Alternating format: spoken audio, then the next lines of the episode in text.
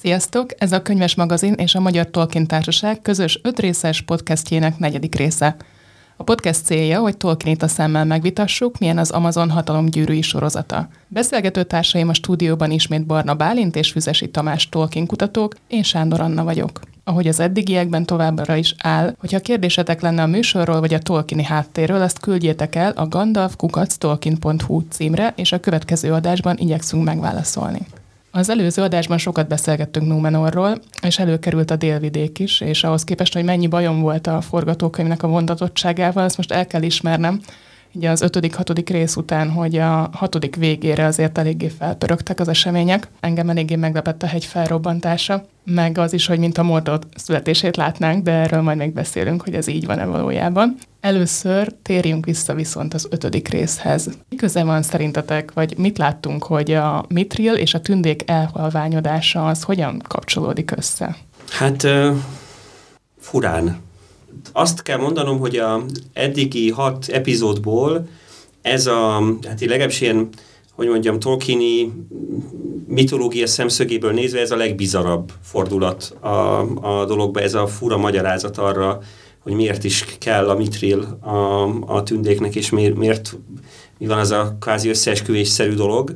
Nekem van több elméletem, sajnos nem biztos, hogy be fog jönni, de először vegyük sorra, hogy mit is tudunk erről. A Tolkien mitológiában a, az elhalványodás jelensége egy ténylegesen létező um, font, és viszonylag fontos jelenség, és a mitril egy nagyon fontos elem, amiről tudjuk, hogy középföldén egyedül Móriában található. Azt is tudjuk egyébként, Tolkien leírja, hogy a másodkorban a mitrilnek kiemelt szerepe van, a törpök életében is, amikor felfedezik, és valóban a tündék is nagyon érdeklődnek iránta, többek között a, az eregioni települések is azért létesülnek Kazadon közelébe, mert tudják, hogy így a mitrilhez könnyebben hozzáférnek. Tehát ez a két, a jelensége külön-külön értelmesek.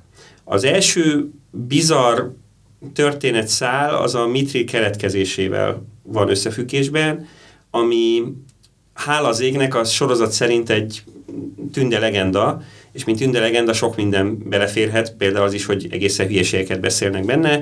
Ugye a, a leírás kicsit hát ilyen nem tudni, hogy mennyire szimbolikus beszéd és mennyire valóságos. Nyilván Silmaril soha semmilyen fába nem volt benne, azok olyan fába, ami egy hegy tetején nőtt volna, a Silmaril sorsa viszonylag kötött módon le van írva a, a történetekben. Nem nagyon tudunk olyanról, hogy egy nagy tünde vitéz a másodkorban, vagy akár az elsőkor végén, de a, a, a köthegységben összeakadt volna egy barroggal, és az ő párbajukról, az egész, az egész az ebben az értelemben még a Tolkien mítoszhoz képest is egy mese, vagy mítosz. Az a dolog, hogy ugye amit ki akarnak fejezni vele, hogy a Mitril valamilyen módon hordozza a jót és a rosszat, és um, um, emiatt tesz, ezt teszi őt különlegesé, erről ennek nincs nyoma a Tolkien mitológiában.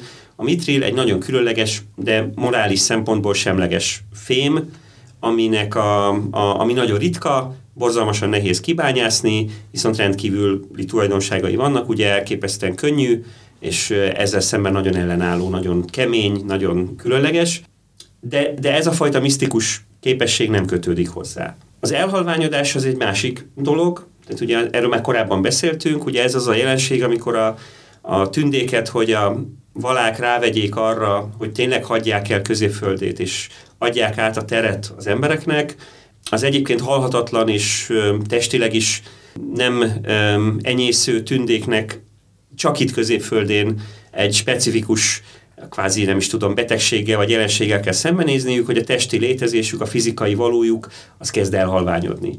Ezt ebb ennyi idő alatt, ez a néhány ezer év alatt, ami másodkorban megtörténik, ez nem nagyon látszódik, egyébként a harmadkorban sem látszódik, tehát nem, nem lesznek halványabbak, vagy ilyen áttetszőek a tündék. Azt írja a Tolkieni mitológia, hogy ez több tízezer év alatt jelenne meg, vagy sok-sok ezer év alatt. Mondjuk azt mondja Tolkien, hogyha véletlenül egy-két tünde itt maradt volna középföldén, akkor a mai korra már nem látnánk őket, mert most már a testük már teljesen el, ténylegesen elhalványodott.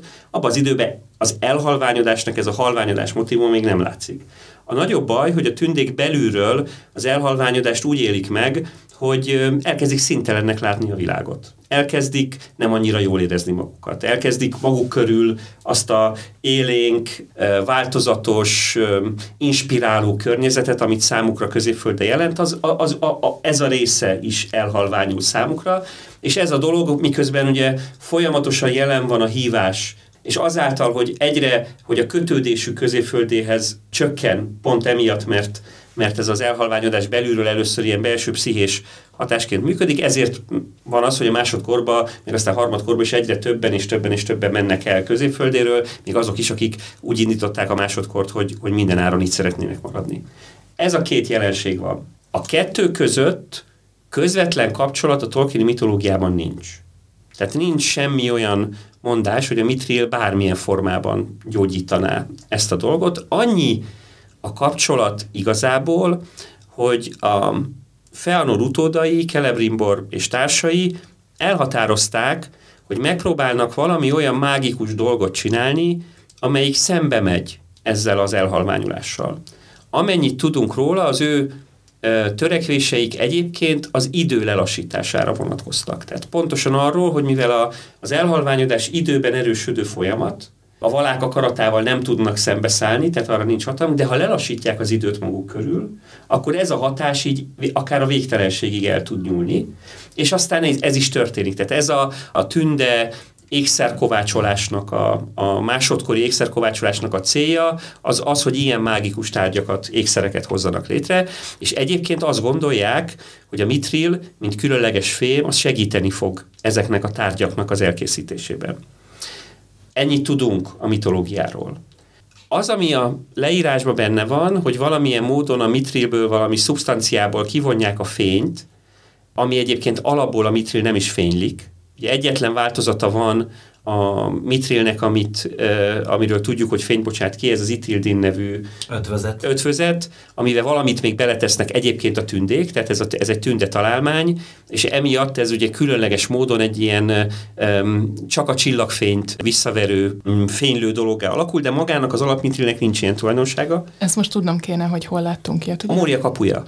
A Mória kapuján a, a minta, az ebből az itildimből van, ami egy ilyen fénylő változata, um, ötvözete a, a, a mitrilnek, de más módon nincs, még a fény hordozó képessége sem, ez pedig, hogy egy fémből nem is tudom, hogy milyen kifejezést használtak a sorozatban, hogy valahogy ilyen szubstanciát, vagy folyadékot, vagy valamit csinálnak, amit megitatnak, vagy megfürdetik benne a tündéket, vagy valahogy... nem mentek bele, de nem is biztos, hogy kíváncsi vagyok. Szóval, tehát, tehát, hogy, tehát, hogy ez a dolog, hogy maga a mitril, mint anyag önmagában segít a dolgon, ennek semmi nyoma nincs. Nekem két elméletem van. Ja nem, bocsánat, és még egy borzalmas dolog van, ami minden határon túlmutatóan rendkívül kínos, hogy ugye ezt az egész elhalványodás folyamatot, amikor elmesélik Elrondnak, akkor azt mondják, hogy van egy év. Egy év. Tehát, hogy egy év alatt ez meg fog történni, az, ami ugye Tolkien leírás szerint egy sok ezer éves folyamat. Nekem az az, az az elméletem, amivel még meg lehet menteni ezt a dolgot, de hát ez valószínűleg csak az én szokásos optimizmusom, hogy már megint, erve, megint átverték Elrondot. Tehát, hogy már megint a, a, a, hogy megnyugtassák meg, hogy még továbbra is fenntartsák ezt a dolgot, hogy a tündék csak hozzák, a, a törpök csak hozzák a mitrilt, ezért kitaláltak valami ilyen átlátszó sztorit, amiben benne van ez a, az egész dolog, és valójában nem. Tehát, hogy valójában nekik De csak az ékszerekhez kell a mitril. A Gilgalad és Celebrimbor akkora manipulatív disznók. Ez igen. Hozzáteszem, hogy egyébként önmagában ez nem ellentétes a, a, a, a leírással, tehát ugye tudjuk, hogy, tehát, hogy ők ezt valóban egy ilyen, hát a valák ellen szőt összeesküvésként csinálják, legalábbis Kelebrimból. Egyébként a, az elti leírásban öm, nem ekkora spanok Galaddal, és Gilgalad ottani tudásunk szerint, tehát leírás szerint nincs benne a, a buliban, de, ne, de, ne, de ez még önmagában nem feltétlenül problémás. Szóval ez az én elméletem, hogy, hogy, hogy, hogy, hogy e, ha, ha ez csak egy átverés, akkor jó. Tehát, hogy akkor, a, a, akkor ha nem átverés, akkor roppant kínos mert valahol sajnos értem, hogy ebbe a átrajzolt időtávban komolyabb a fenyegetés, ha egy évre hozzuk össze ezt a dolgot, meg ha valami fo- megfoghatóbb. Csak azt nem értem, hogy ugye az egész mögött azért végül mégiscsak hatalomgyűrűket fognak kovácsolni, és abba Tehát valahol ki kell derülnie, hogy nem a mitrilfürdő fog segíteni a, az elhalványuláson, tehát hogy valahogy ennek a dolognak mégiscsak át kell mennie valami ékszerkészítős ö, ö, projektbe, azt én most ebből nem látom. Ebb, ezért mondom, hogy ez egy elmélet nekem, hogy ez még mindig átverés. Tehát még mindig nem mondják meg az igazat. És mi a második elmélet? Mert kettőt mondtál. Akkor ezt rosszul mondtam. Nem, nem, nem. Ez, ez okay. a, tehát, tehát nekem, ez a, nekem ez az elméletem, hogy, hogy, hogy maga a mitrilnek ez, ja, a, az egy év. Tehát, hogy mind a kettőre ugyanez a mondásom. Tehát, hogy a mitril fürdő, meg az egy éven belül mind meghalunk dolog is átverés, a, a, amivel csak Aaron motivációját kívánják felpumpálni. Én sem gondolom, hogy a sorozatban majd a tündék Dagobert bácsiként fognak fürdeni a nyers mitilércben. Meglátjuk. Minden esetre én utána néztem annak, hogy a gyűrűk urában és a függerékben mit írnak konkrétan a Silmarillok sorsáról, és valóban csak az Elrendil féle Silmaril az, amiről tudjuk, hogy hova került és mi történt vele. A másik kettőről a gyűrűk ura függerékében csak annyi áll, hogy elveszett. Tehát nem fejti ki azt, amit a Silmarillokból és más írásokból ismerünk részletesen, hogy az egyik tűzbe veszik, a másik vízbe. Ebből a szempontból lehet, hogy ez a dolog alá támasztja azt az elméletemet, hogy akár ellent is mondhatnak a Silmarillokban leírtaknak. Persze továbbra sem ismerjük a szerződést.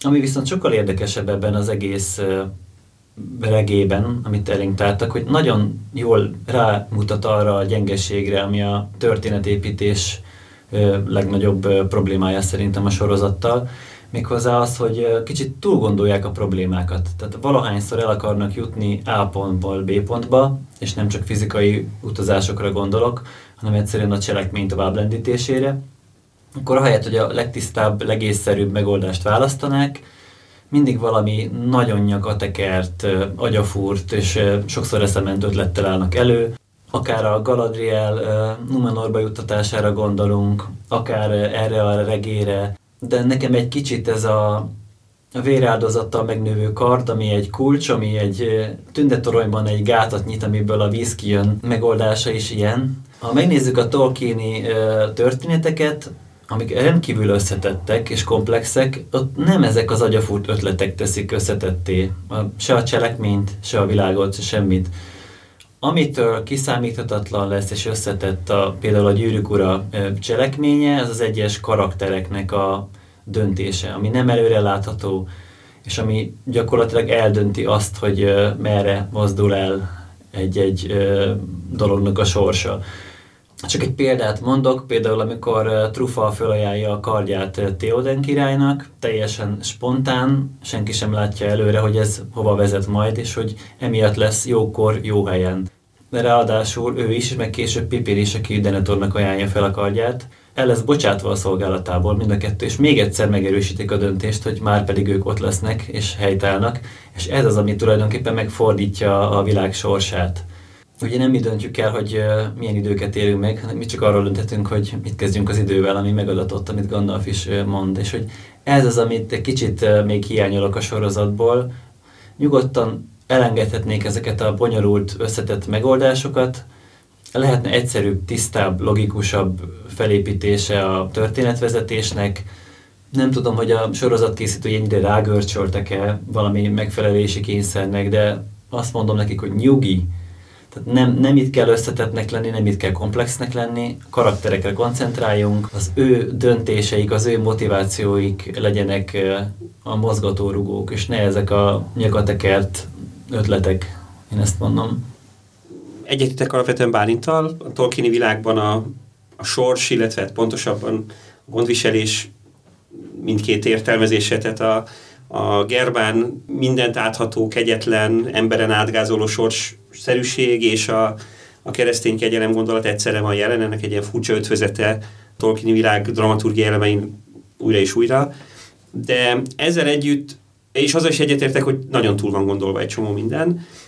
Én azt hiszem, hogy ők arra törekednek, hogy valahogy ezt a rejtélyes vonalat is előhozzák, a misztikus vonalat is előhozzák, ami azért a Tolkien üvegben benne van. Tehát vannak tárgyakhoz kötődő misztikák, vannak a, az Aragorn kardjának, a, a Narsilnak a, a e, sztoria, meg egy sok más, tehát hogy nem, nem feltétlenül rossz ez. Nekem egyébként, én például nekem tetszik a, a, ez a kulcskard Sauron valamit itt hagyott, valami stb. dolog. Kíváncsi leszek, milyen kibevet, de ezzel nincs gondom. Azzal van, amit mondasz, hogy kicsit ilyen olcsó rejtélyeskedés van a dolog mögött. Tehát, hogy a Tolkien valóban ennél mindig, minden ilyen momentum mögött sokkal mélyebb gondolatok húzottak, sokkal összetettebb dramaturgia van fölépítve. Itt meg sokszor érzem azt, hogy, hogy nagyon igyekeznek olyannak lenni, mint a, mint a Tolkieni világ, vagy a Tolkieni történetek által kirajzolt világ, csak sokszor hát nem érnek föl oda. Tehát, hogy nem, nem tudják használni azokat a, azokat a drámai eszközöket. Hát mondjuk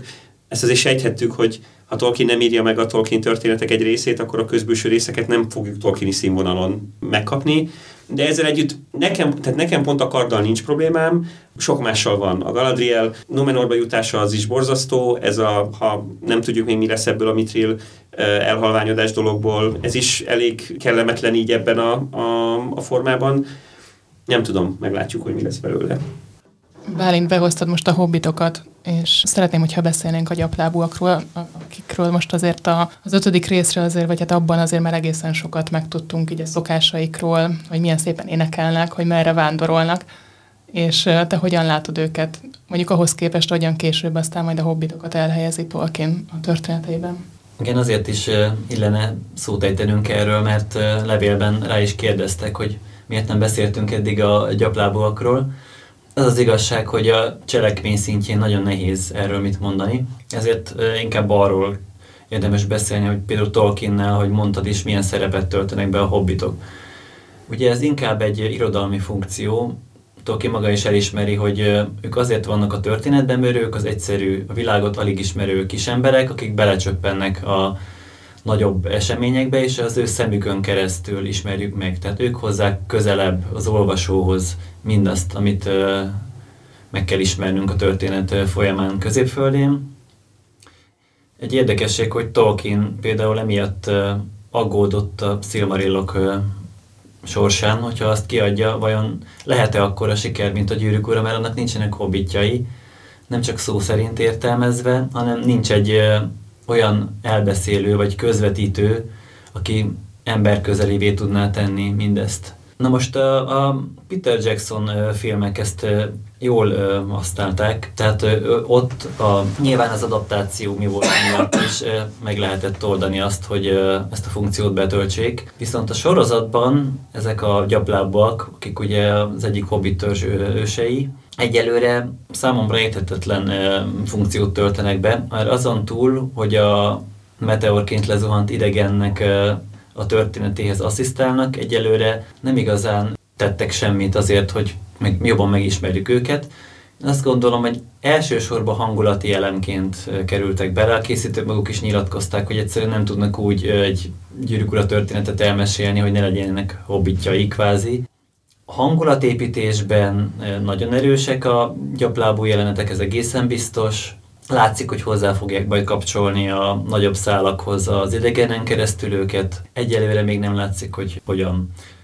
Említetted a dalt. Erről azért szeretnék egy kicsit részletesebben beszélni, mert nem Howard Shore az egyetlen kapocs zeneileg a filmek világához, ugyanis van egy új-zélandi együttes, a Plan 9, a 9-es terv elnevezésű csapat, akik annak idején több zeneszámot és dalt is írtak a Gyűrűk Ura filmekhez, meg a Hobbithoz. Csak néhány példát említek, a Zsákos Bilbo születésnapi ünnepségén hangzó uh, táncdal, Flaming Red Hair, a bővített változatban a Tündék által énekelt Elberet himnusznak a zenéje, illetve a Hobbit filmekben köthegységdala, amit a törpök énekelnek zsáklakban, és ami már az előtt ikonikus lett, hogy a filmben bemutatták volna, mert, mert az első előzetes útján meg, megragadta a szíveket. Szóval ez a társaság szerezte a, a zenéjét ennek a The Wandering Days című számnak, amit a, az azt éneklő színésznő szerint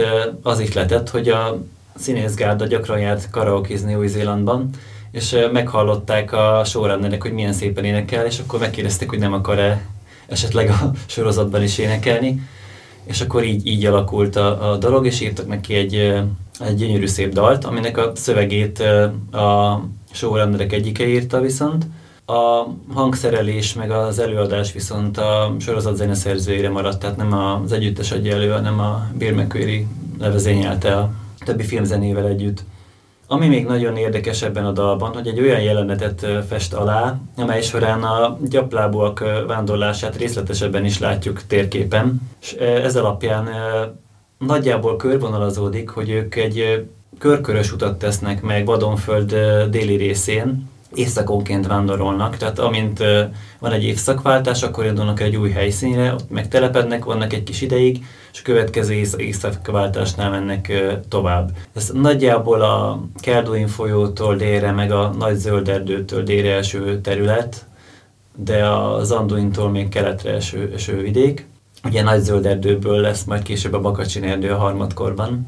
És látunk is egy mocsárvidéket, amin keresztül haladnak, ott nem csak térképen mutatják, hanem magát a haladást is, és a térképről kiderül, hogy ez a vidék lesz majd később a Holtláp a nagy csata után, tehát ilyen apró kis easter is elhelyeztek. Tehát világépítés szempontjából és hangulatépítés szempontjából is nagyon érdekes volt ez a jelenetsor, ez a montázs dallal együtt. Szerintem ez egy nagyon erős része volt a sorozatnak. Sokan töprengenek azon, hogy például a dalszövegben vannak elrejtett utalások, mi lehet az a torony, amit maguk mögött hadnak a hobbit, a gyaplábúak, ez nem derül ki. Meglátjuk, hogy ebből kiderül-e valami, vagy csak a féle homályba hagyott legenda lesz majd. Az egyik ismerősöm kommentelte azt, hogy ez az éneklős jelenet, illetve ez a montázs számára az egyik leginkább Tolkieni, Tolkien hű rész a, a sorozatban eddig. Már csak azért is, mert a, aki olvasta például a Gyűrűk urát, az tudja, hogy Tolkiennél azért rendszeresen énekelni kezdenek a szereplők. És hogy ezt tudjuk-e, hogy ez egyébként hogyan kerül az ő szövegeibe? Tehát van ennek esetleg valamilyen irodalomtörténeti háttere, ez a dalra fakadás, vagy ez valahogy az ő, ő szeretett énekelni? Mind a kettő. Egyrészt a mintául szolgáló északi mítoszok, vagy európai mítoszokban rendszeresen előfordulnak dalok. Ugye ezek közül különösen kiemelkedő a filmmitológia, amelyikben a, a ugye eleve a mítoszok, ugye a mítoszok jelentős része eleve versesen, sőt valószínűleg eleve valamilyen énekelt formában születik, de ez képest még a film mitológiában önmagában már a dalnak is külön jelentősége van, tehát ott a dal önálló dramaturgiai elem, a varázslatokat például dallal végzik és ehhez hasonlók, tehát úgy Tolkien valószínűleg ezekre, ezekre épít. Másrészt meg igen, tehát hogy ő, ő számára a dalok azok, azok mindig is meghatározóak voltak, nagyon sok, tehát ugye írogat, tudjuk, hogy írogatott ilyen dolgokat, a család is sokat énekelt egyébként, és ugye azt is tudjuk, hogy a, volt egy olyan időszak a 1920-as években, tehát még a mitológia írásának a hajnalán, amikor úgy gondolta, hogy igazából ez az egész mitológia akkor lesz igazán eredeti, hogyha ezt verses formában írja meg.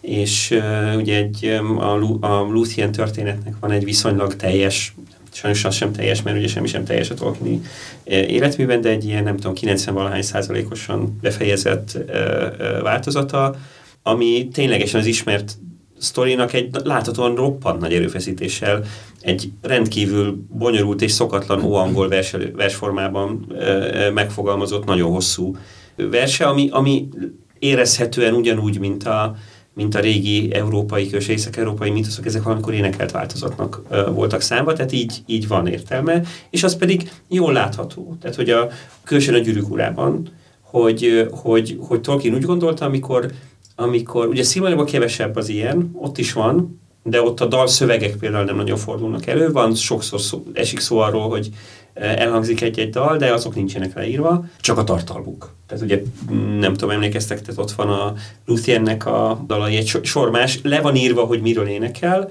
de a konkrét szöveg nincsen benne. Ugye a Hobbitban már van egy csomó ének, és úgy tűnik, hogy amikor Tolkien a Gyűrűk urát megírta, ugye a Gyűrűk egy ilyen fura keveréke a, a Szilmariloknak meg a Hobbitnak, ilyen a, mind a kettőből próbál építkezni egyszerre, és úgy tűnik, hogy ebben tekintetben, amikor egy regény típusú formát választ, vagy egy ilyen kaland történet formában akarja leírni az ő klasszikus mítoszait, vagy annak a bizonyos részleteit, akkor tudatosan épít arra, hogy, hogy, hogy a dalokra szükség van. Tehát ez, egy, ez szerintem ez egy fontos eleme a, a Tolkien értérzésnek. Valószínűleg pontosan tehát ez a dal nagyon sok szempontból tényleg teli találat. Az egyik önmagában a dalforma, a másik pedig az, hogy szerintem itt jön elő először igazán az az érzés, hogy ez a mögöttes tudás, tudjátok, beszéltünk már erről, hogy a Tolkieni világ egyik nagy varázsa, hogy elhangoznak dolgok, nem értesz mindent, de érzed, hogy van mögötte valami nagyobb történet, de is mégis jól érzed magad. Tehát, hogy az a része, ami beleszüremlik a sztoriba, az, az is elég jó ahhoz, hogy így, de még érzed, hogy van mögötte egy nagyobb történet, és ez a dal remekül hozta ezt a dolgot, azzal, ezzel a háttérrel, hogy, hogy utal valami nagy, sokkal nagyobb dologra, anélkül, hogy ez most egy ilyen fájdalmas rejtély, vagy egy ilyen, tudod, egy megoldandó probléma lenne, hanem csak ilyen, ilyen kis, kis háttér. Nekem nyilván nagyon tetszett, és én is azt hallom, hogy még azok is, akik nagyon fanyalognak a sorozat miatt, az, ez azok, azon jelentek közé tartozik, amit mindenki, mindenki kedvel. Oké, okay, és mi a véleményetek ezekről a hát ilyen alien, idegenszerű három hófehér nő alakról, akik a gyaplábúakhoz szegődött meteor embert keresik? Hát egyelőre magából a sorozatból nem sok derül ki. Sajtóból egy picit több, mert azért nyilatkoztak arról, hogy Runból érkeztek, tehát a keletről, Vadonföldtől keletre eső vidéket hívják így.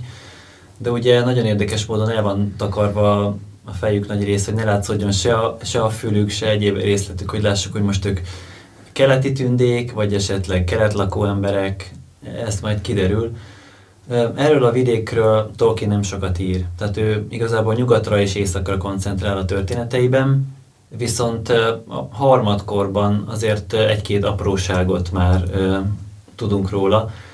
Érdekes módon a, pont az isztárok, a mágusok kapcsán említi, hogy a két kék mágus, akik elmentek messzi keletre, mert ez volt a küldetésük, másképp buktak el, mint Saruman vagy Rodagaszt, és valószínűleg ők lettek a későbbi magikusnak nevezhető kultuszoknak az alapítói. Lehet, hogy erre utal ez a három figura, nem, nem tudom, kiderül. Ugye ez azért is érdekes, mert a két kék mágusnak ugyan van egy általánosan ismert és nagyjából kanonizáltnak tekinthető forma, hogy ők is a másik hárommal együtt a harmadkorban érkeznek, de van egy olyan szövegverzió, ami semmilyen módon nincs megerősítve, nincs beletéve a dologba, csak azt lehet tudni, hogy Tolkiennak volt egyszer egy olyan ötlete, hogy mi lenne, ha azt gondolnánk, hogy a két kék mágus már a másodkorba a középföldére érkezik, még egyszer mondom, ez nem a kanonizált forma, tehát a, a, a részletesen leírt és gondosan kidolgozott Isztár történet szerint pontosan megvan a sorrend, hogy a harmadkorban mikor érkezik az öt mágus, és lehet tudni, de van egy ilyen kis teljesen mellékes ág, ez is lehet. Hozzáteszem, hogy én, bármint egyetértve, nagyon professzionálisan van elrejtve a személyisége ennek a háromnak, tehát hogy tündék vagy nem tündék. Ugye azt már látjuk, hogy ebben a sorozatban ami, ezt korábban elmondtam, ami szerintem nagyon jól belelik a Tolkieni dologba, a tündéket, meg az embereket csak a fülük alapján lehet megítélni, vagy, vagy esetleg azt lehet mondani, hogy valaki nagyon csúnya, akkor az valószínűleg nem tünde, mert hogy ugye ez, ez kizáró tényező, szép emberek meg lehetnek, tehát ez, ez teli találat. Én nem tudom megmondani. Nekem őszintén szólva az egész megjelenésükben én azt sem zárom ki, hogy ugyan keletről jöttek, de hogy ők maják. Tehát, hogy én, tehát, hogy én nem tartom kizárt, kizártnak, hogy ők a, ők az ember és a tünde e, osztályozás fölötti e, mágikus hatalmú lények, azok pedig ugye a Tolkien mitológiában csak a maják lehetnek, azok viszont végtelen számúak, a döntő többségük Tolkien bevása szerint is nincs, nem ismerjük, tehát a, ott elég, elég szabadon mozoghatnak a dolgok, de simán elképzelhető, hogy egy keleti tündenépség, simán elképzelhető, hogy valami mondjuk valamilyen oknál fogva jelentős kulturális szinten álló keleti népcsoport, sok minden belefér, ez utóbbi egy kicsit azért nehéz lenne, mert hogy akkor ezt az egész sztoriba valahogy, valahogy bele kéne e, építeni, meglátjuk. Mindenesetre az is biztos, hogy én azt mondom, hogy nekem sok bajom van a sorozattal, most, hogy haladunk előre egyre több, csökken az optimizmusom, de azért még mindig sok a pozitív, és az egyik legpozitív dolog, azt kell mondanom, hogy ez egy dramaturgiai mestermű, ahogy a Sauront rejtegetik. Úgy, hogy közben zseniális apró pici formákban hozzák elő, gyengítik el. Ugye nyilván itt a legnagyobb a legnagyobb kérdés az a meteorembernek a, és a Sauronnak az azonossága körül mozog, zseniális. Tehát ahogy az egyik párbeszéd utolsó elhangzó mondatából és az képváltásból azt gondoljuk, hogy ah, igen, ez csak Sauron lehet, gonosz. A következő... Ez egy nagyon ócska vágás igen, volt, Igen, aztán a következőnél ugyanennél a vágásnál meg nem, akkor lehet, hogy nem. Tehát, hogy ez a, tehát, hogy, tehát, hogy meg ilyenek vannak benne, hogy mm, nem tudom, az Bálint neked feltűnte, hogy van az a kép, amikor az egyik vágásnál, amikor a szikla tetején áll, és így előre, és csillagos ég van mögötte, és előre, és alulról néznek rá.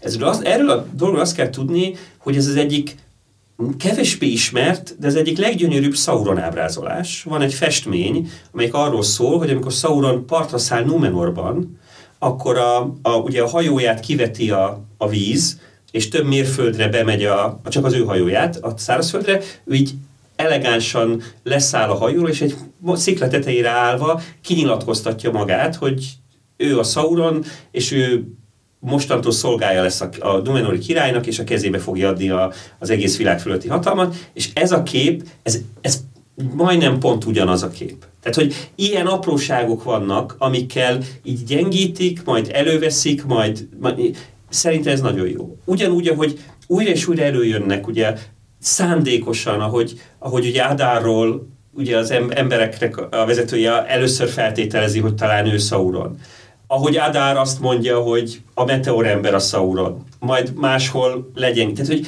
ez a része, ez, ez, ez nagyon-nagyon-nagyon-nagyon jól van megcsinálva. Sajnos, hogy nem az összes ilyen. Tehát, hogy, hogy a, a valaki, valaki van, aki jól csinálja a dolgát a forgatókönyvíró csapatban, a, a, a többiek nem. Nekem az a bajom, hogyha most itt erről lehet egy picit beszélni, hogy több hang is volt, komoly Tolkien kutatók is azt mondták, a, még miért a sorozat elindult volna, hogy bármennyi jó szándék van a sorozat alkotóiban, bármennyi Tolkien szakértőt vonnak be, az az alapvető kérdés, hogy a, ez a mai modern fikciós sorozat műfaj, mint olyan, ez, alkalm, ez alkalmas egyáltalán arra, hogy Tolkieni adaptációt csináljunk benne.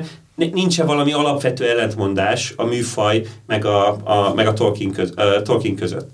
És nekem kezd egy olyan érzésem lenni, hogy ez lehet, hogy igaz. Tehát, hogy tényleg, tényleg látszik a jó szándék. Látszik a rengeteg odafigyelés, a rengeteg részlet, amiben próbálkoznak a, a Tolkien világhoz hűnek lenni. Láthatóan tényleg tartják magukat a fő motivumokhoz, a, beemelik ezeket a dolgokat. De az egész mögött ez, hogy ez egy ilyen végtelenül lassú. Ugye most azt látjuk, hogy hat részt néztünk végig, két rész van még hátra, azt már nagyjából kimondhatjuk, hogy az első évad végére semmi igazán komoly dolog nem fog történni, mert a két évad tehát a két hátralévő epizódban, ha betennének bele mindent, ami még a, a, úgy igazán komolyan előre vinni a sztorit, az azért elég pucsa volna. Tehát, hogy, tehát az látszik, hogy elmegy nyolc epizód, és építkezünk. De nem is igazából építkezünk, hanem nyújtjuk a sztorit. Tehát, hogy azt lehet látni, hogy meg leva, Tolkien leverte a szövegeket a, fő, a sztorinak a fő vonalai tekintetében, ezt a saját képességeik birtokában igyekeznek megtartani, és a közöttük lévő részeket, azokat pedig egy sorozatíró logikájával töltik föl, legyenek benne drámai hullámok, legyenek benne karakterek, legyenek kis karakterépítés, de, sem, de ennek a résznek, tehát a Tolkieni szöveket összekötő részeknek sem a színvonala, sem a mondani valója nem éri el a, a Tolkieni szintet. Egy, egy film az azért lehet, hogy jobb adaptációs közeg, mert a filmnél muszáj sűríteni. Ugyanúgy, mint egy, még jobban, mint egy regényben. És ugye a, a mítosznak ez a sűrítés effektusa az, hogy a drámát valahogy össze kell hozni szűk időkorlátok és földrajzi korlátok közé, az a filmben jól átjön. A sorozatnak ez az elnyújtott része, ezek a hosszan, kitartóan felépített vonalak, én, nem, én ebben nem érzem még a, a, a Tolkien lényeket. Nekem ez most pillanatnyilag ez a legnagyobb bajom a sorozattal. Azért megleptél. Egész eddig te voltál a nagyon optimista közülünk. Amin most a napokban, vagy hát tegnap este gondolkodtam, hogy azért az egy nagy fundamentuma lesz ennek a sorozatnak. Nem tudom, hogy a nyolcadik rész végén vajon megmutatják-e, vagy csak a következő évadban, de hogy kit castingoltak Sauronnak.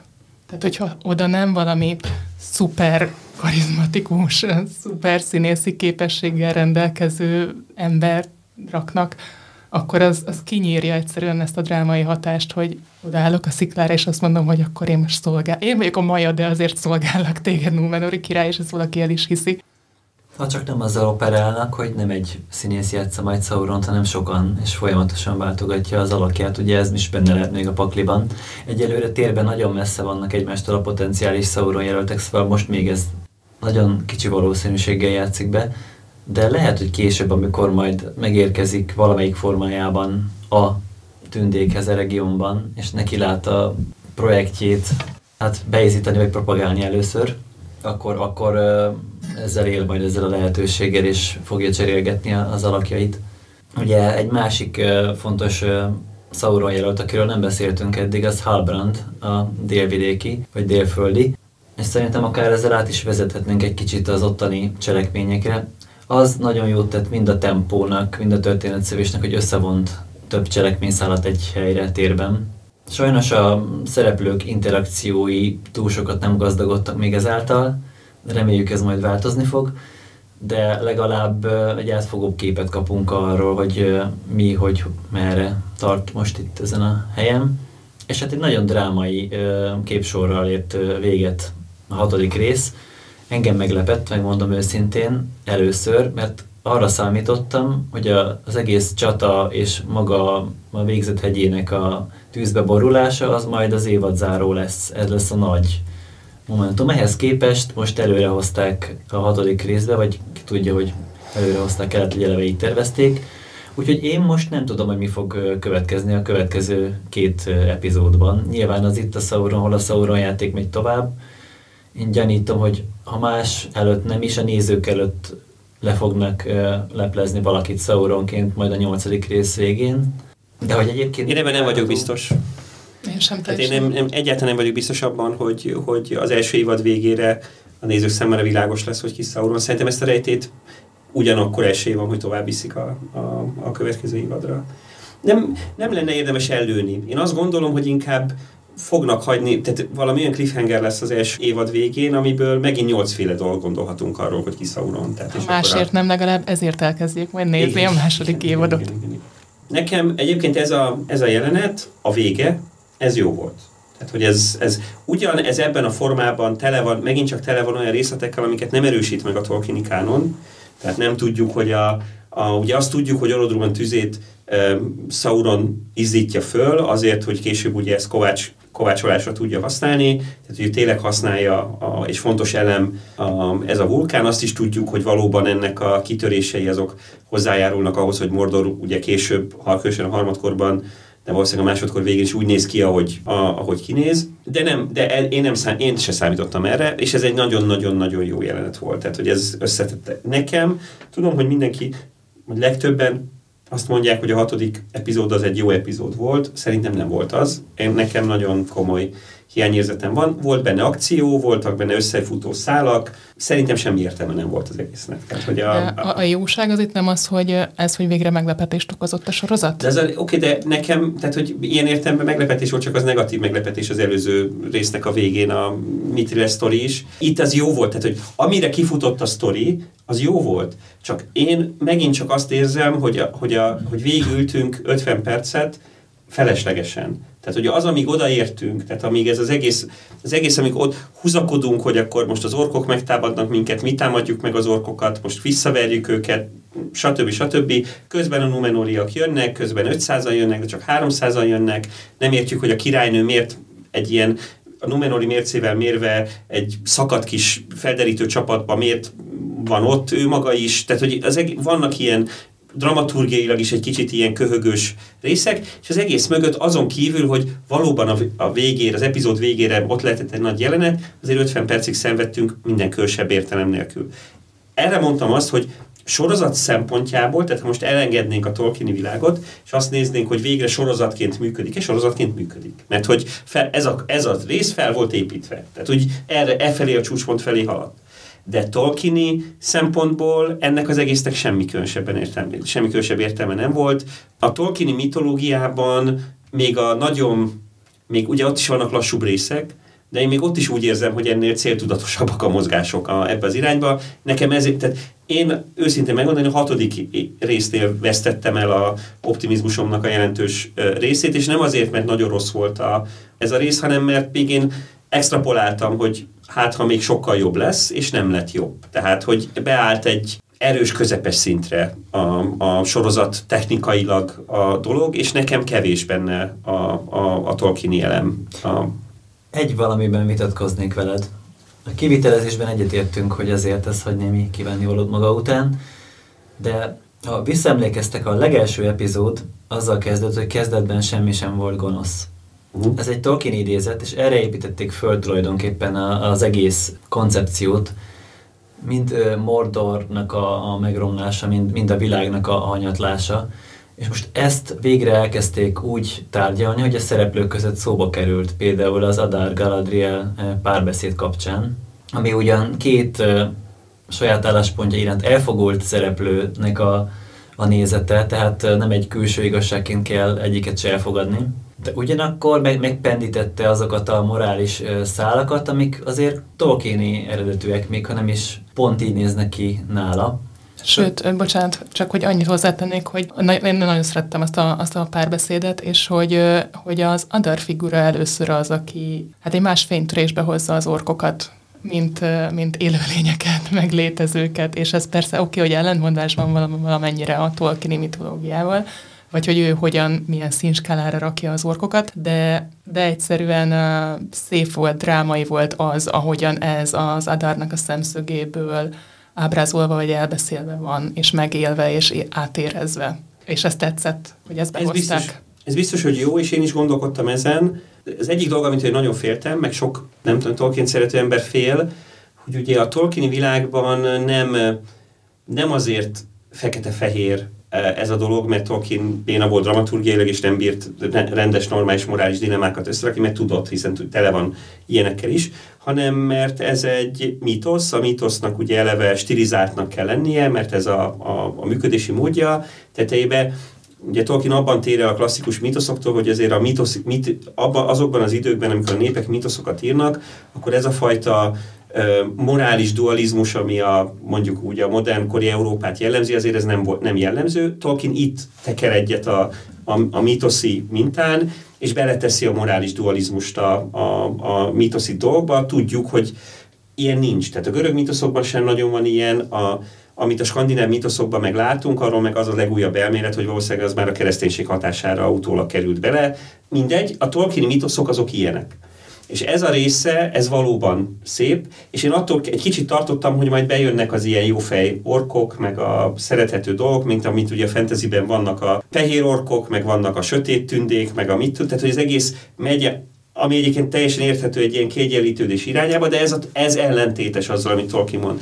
Az, ahogy Adárt beemelték, azon, az, az egy míves munka. Azon látszik, hogy Tolkien szakértők dolgoztak rajta, mert kihozták azt az egyetlen lehetséges dolgot, amelyikben a Tolkieni világba belefér a megrontott tündéknek a koncepciója, amelyikben valóban benne van az, hogy lehet, hogy ők valamilyen értelemben ősei az orkoknak, megvan közöttük ez a, a, a kapcsolat, tehát ez nagyon jó. Ez a vonal, ez a vonal zseniális. De az 50 percből ez volt két és fél. Tehát, hogy nyilván fel kellett építeni a karaktert, meg, meg, meg, meg ilyenek, meg lehet, hogy majd később ennek a jelentősége látszik. Tehát azt tudom mondani, hogy egyetértve mindannyiatok, hogy ez a sorozat tele van nagyon-nagyon jó dolgokkal. Csak nekem lassú. Tehát nekem a dramaturgiai lassúságával van a probléma. Nem vitatkozom, tehát én, én továbbra sem de ez valóban... Szeretem kifejezetten ezt a sorozatot, csak hogy, hogy ezek, jó, ezek jó pillanatok, és például azért is, hogy és akkor ez most egy ilyen tök személyes nézőpont, hogy amikor annak idején kamaszként olvastam a Silmarilokat, és jött ez a, ez a sztori rész, hogy, hogy, hogy Morgoth elviszi a tündéket, és megrontja, és megkínozza, és kvázi besúgóká teszi őket, és a végtelen kitaszítottság lesz a sorsuk, ha túlélik egyáltalán az ő vendégszeretetét. Ez nekem annyira betalált akkor, tehát az egyik olyan, vannak hatalmas, gyönyörű, tragikus történetek benne, de hogy ez egy olyan momentum volt, ami nagyon sokáig velem volt, hogy ez mennyire szar lehetett ezeknek a tündéknek, és hogy azok a szerencsétlenek ezt a nagyon mély kamaszkori együttérzést hozta most elő ez a figura, és, hogy, és tökre örülök, hogy jól mozgatják. És nagyon jó a színész. Nagyon Igen. jó a színész. Tehát, hogy az egyik, leg, az egyik legjobb a, a, az alakítás. Ugye ez is, ha még egy kicsit beszéltünk erről, ez is itt van, a, ez a kettősség, hogy vannak zseniálisan jó színészek, és nagyon-nagyon eltalált ö, karakterek, és hát vannak nagyon gyengék. Ezzel, ezzel a kettősséggel kell együtt élni, és ezek ne fájdalmasak. Tehát azért én tudom, hogy a Tolkien, tehát komolyan így végignézegettem, hogy valóban Aragorn is mond borzalmas közhelyeket sokszor, meg pláne Gandalf időnként a, a, a maga módján, de, de az, amit Galadrielből csináltak szerencsétlenből ebbe a sorozatba, az nem tudom, hogy valahol egy komoly csapat dolgozik azon, hogy mennyire ilyen életszerűtlen, mindentől el, el, elidegenítő bölcsesség, gyenge, átlátszó, felszínes bölcsesség halmazokat nyilatkoztat ki értelmetlen időpontokban, dramaturgiailag indokolatlan módon. Tehát, hogy valószínűleg, azzal, valószínűleg van egy kicsi gond azzal, hogy maga a színésznő talán nem ez a karakter, amit, a, amit Galadriel kitalálunk, de hogy az, ami ilyen a szájába adnak, az, az tényleg elront mindent, ami, ami, ami, ami Galadriel elé tehetné őt ö, ö, valahol. Ezzel szemben ugyanezek a forgatókönyvírók Elendil szájába, meg az Elendil karakterébe, meg egy ilyen egy ilyen, még az Aragornál is ilyen veretesebb, ilyen, ilyen kőkemény, magának való, de láthatóan egészen komoly mélységgel rendelkező karaktert tudnak csinálni, és így tehát, hogy ezek, ez, ezek a fura. A Gilgalad ugye ez továbbra is az én szememben ő a, a, a sorozat mélypontja, minden megnyilatkozása a borzalommal határos. Vele szembe például Farazon meg zseniális, és még, még, még a Numenori királynő is egész, egészen jó, bár most a hatodik részben szerintem elég gyengécske volt, de hát valószínűleg nem volt szerepe. Nem volt ott neki súlya. Igen, de, de tehát, hogy ezt látjuk, tehát, hogy, hogy, hogy, hogy, hogy olyan vegyes, nem rossz a sztori, csak lassú. Nem rosszak a karakterek, csak vannak rosszak. Vannak benne jó ötletek, és vannak benne eszementek. Igen, igen, igen. Szélsőségek sorozata. Igen, igen. igen. Úgyhogy lehet, hogy a, ugye tudjuk, hogy még mindig az IMDB-nél még mindig a, az egyes és az ötös értékelések adják az összes értékelésnek kb. a 90%-át, ami jól mutatja, hogy mekkora indulatok mozognak a, a sorozat körül. Lehet, hogy ez tudatos, ezzel tartják fenn az érdeklődést. Nem, azért Mertek ezen a ponton egyébként jósolni? Én azt gondolom, hogy rengeteg visszajelzést fognak kapni.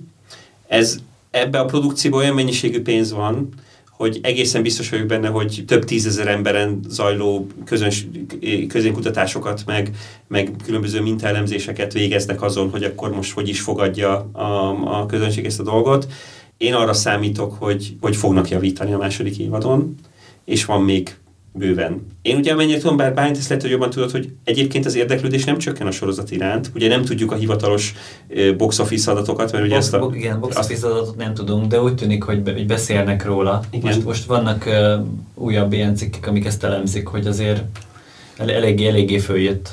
Igen, tehát hogy, tehát, hogy, tehát hogy úgy tűnik, hogy sokan fanyalognak, de ez még az a fajta fanyalgás, amikor még nézzük. Tehát, hogy még, még, még e, tehát nekem se, mondom, én most egy kicsit vesztettem az optimizmusomból, de fel sem merül bennem, hogy ne nézem végig a, a, a sorozatot. Tehát azt a szintet, hogy fenntartsa az érdeklődést, hogy várjam a következőt, hogy gondolkodjak, hogy, hogy eszembe jusson a, a hét során, hogy vajon mi, mi, mi fog történni, azt a részt nagyon jól hozza. Azt tudni már egyébként, hogy berendelték a második évadot, Igen. tehát ez egy fix dolog, meg se várták vele az első évad bemutatóját, hanem már hónapokkal előtte, sőt lehet, hogy már tavaly, mert nem emlékszem pontosan, eldöntötték. Úgyhogy én azt gondolom, hogy az Amazon részéről megvan az optimizmus, hogy ezt még tartani tudják legalább egy évadon keresztül ezt a fajta érdeklődést. Nyilván egy harmadik évadra szerintem ennyi nem, nem lesz elég, tehát ennél azért kicsit többet kell nyújtaniuk ahhoz, hogy fenntartsák az érdeklődést. Ez ugye, annyi, ugye mi nekünk annyi előnyünk van, hogy ismerjük a sztori további részét, tehát tudjuk, hogy valójában még nem is kezdődött el. Nyilván el van nyújtva, meg minden, de hát még elképesztő mennyiségű puskapor van a történetekbe, tehát ha ezt elkezdik egy kicsit jól adagolni, és majd előjönnek a különböző attrakciók, amik itt akár a Numenori sztoriban, akár az itteni sztoriban, a, tehát a gyűrűs kovácsás sztoriban meg lesznek, akkor azért tehát az, abból még ki lehet hozni jó dolgot, valószínűleg javítgatni kell. Tehát, hogy ez, a, ez, ez, ez az a dolog, amiből most még szerintem tanulniuk kell a visszajelzésekből, és egy kicsit lehet, hogy formálni kellene. Valószínűleg vannak dolgok, amiket nem fognak tudni kiváltani, ez ami nekem nagyon fáj, ez a sorozatokra jellemző lassú építkezés, vagy ilyen elnyújtottság, az valószínűleg muszáj, mert hogy ha csak nem kapják azt a feladatul, hogy még egy évadatok van haver, és akkor ebbe férjen bele minden, akkor valószínűleg felpörögnének az események,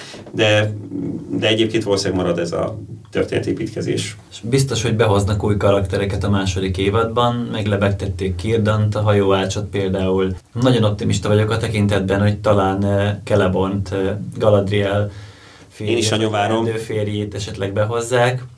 Ugye a színésznő utalgatott arra, amikor neki szegezték a kérdést, hogy hol van a férje, hogy hát öt évadból áll a sorozat, nem kell semmit se esélyetni.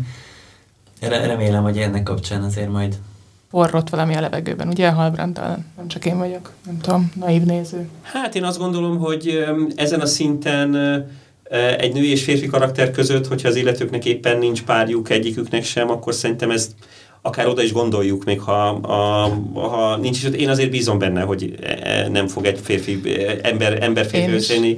Galadriel, mert hogy azért ez nagyon fog, de nem ebben, tehát látom az, az ízás, de ez az a, tudod, az a fajta ízás, amikor nem tudod eldönteni, hogy most irrit, irritál a másik, vagy éppen szerelmes vagy belé, tehát hogy ez a valami van, tehát hogy valami, valami érzelmi dolog van közöttük, meglátjuk. Azon meg korábban beszéltünk, hogy lehet, hogy a Galadriel azért ilyen fura csitri most még, mert még majd borzalmas karakterfejlődésen fog átmenni, és valamikor a harmadik, negyedik, ötödik évadra fog elérni azt a Galadrielt, amit mindannyian szeretnénk.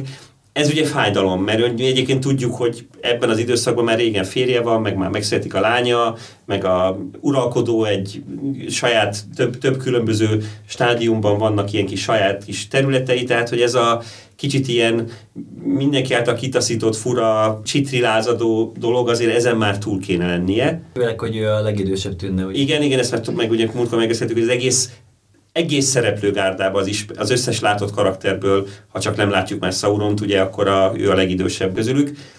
Hát nem tudom, ez, ezen még, tehát én azt látom, hogy Galadriel karakterével roppant nagy tervek vannak. Tehát, hogy míg Harvardot simán el tudom képzelni, hogy egy feláldozható, fontos, felépített, majd kellő drámával elpusztított karakter lesz. De még ki kell derülni, hogy mi az ő vesztessége. Igen, igen, igen, igen, igen. Mit, mit, mit, mit, mit, mit rondott igen. el, meg még, igen, igen, igen. Tehát ezek, azok, tehát az, a Harvard nem rossz.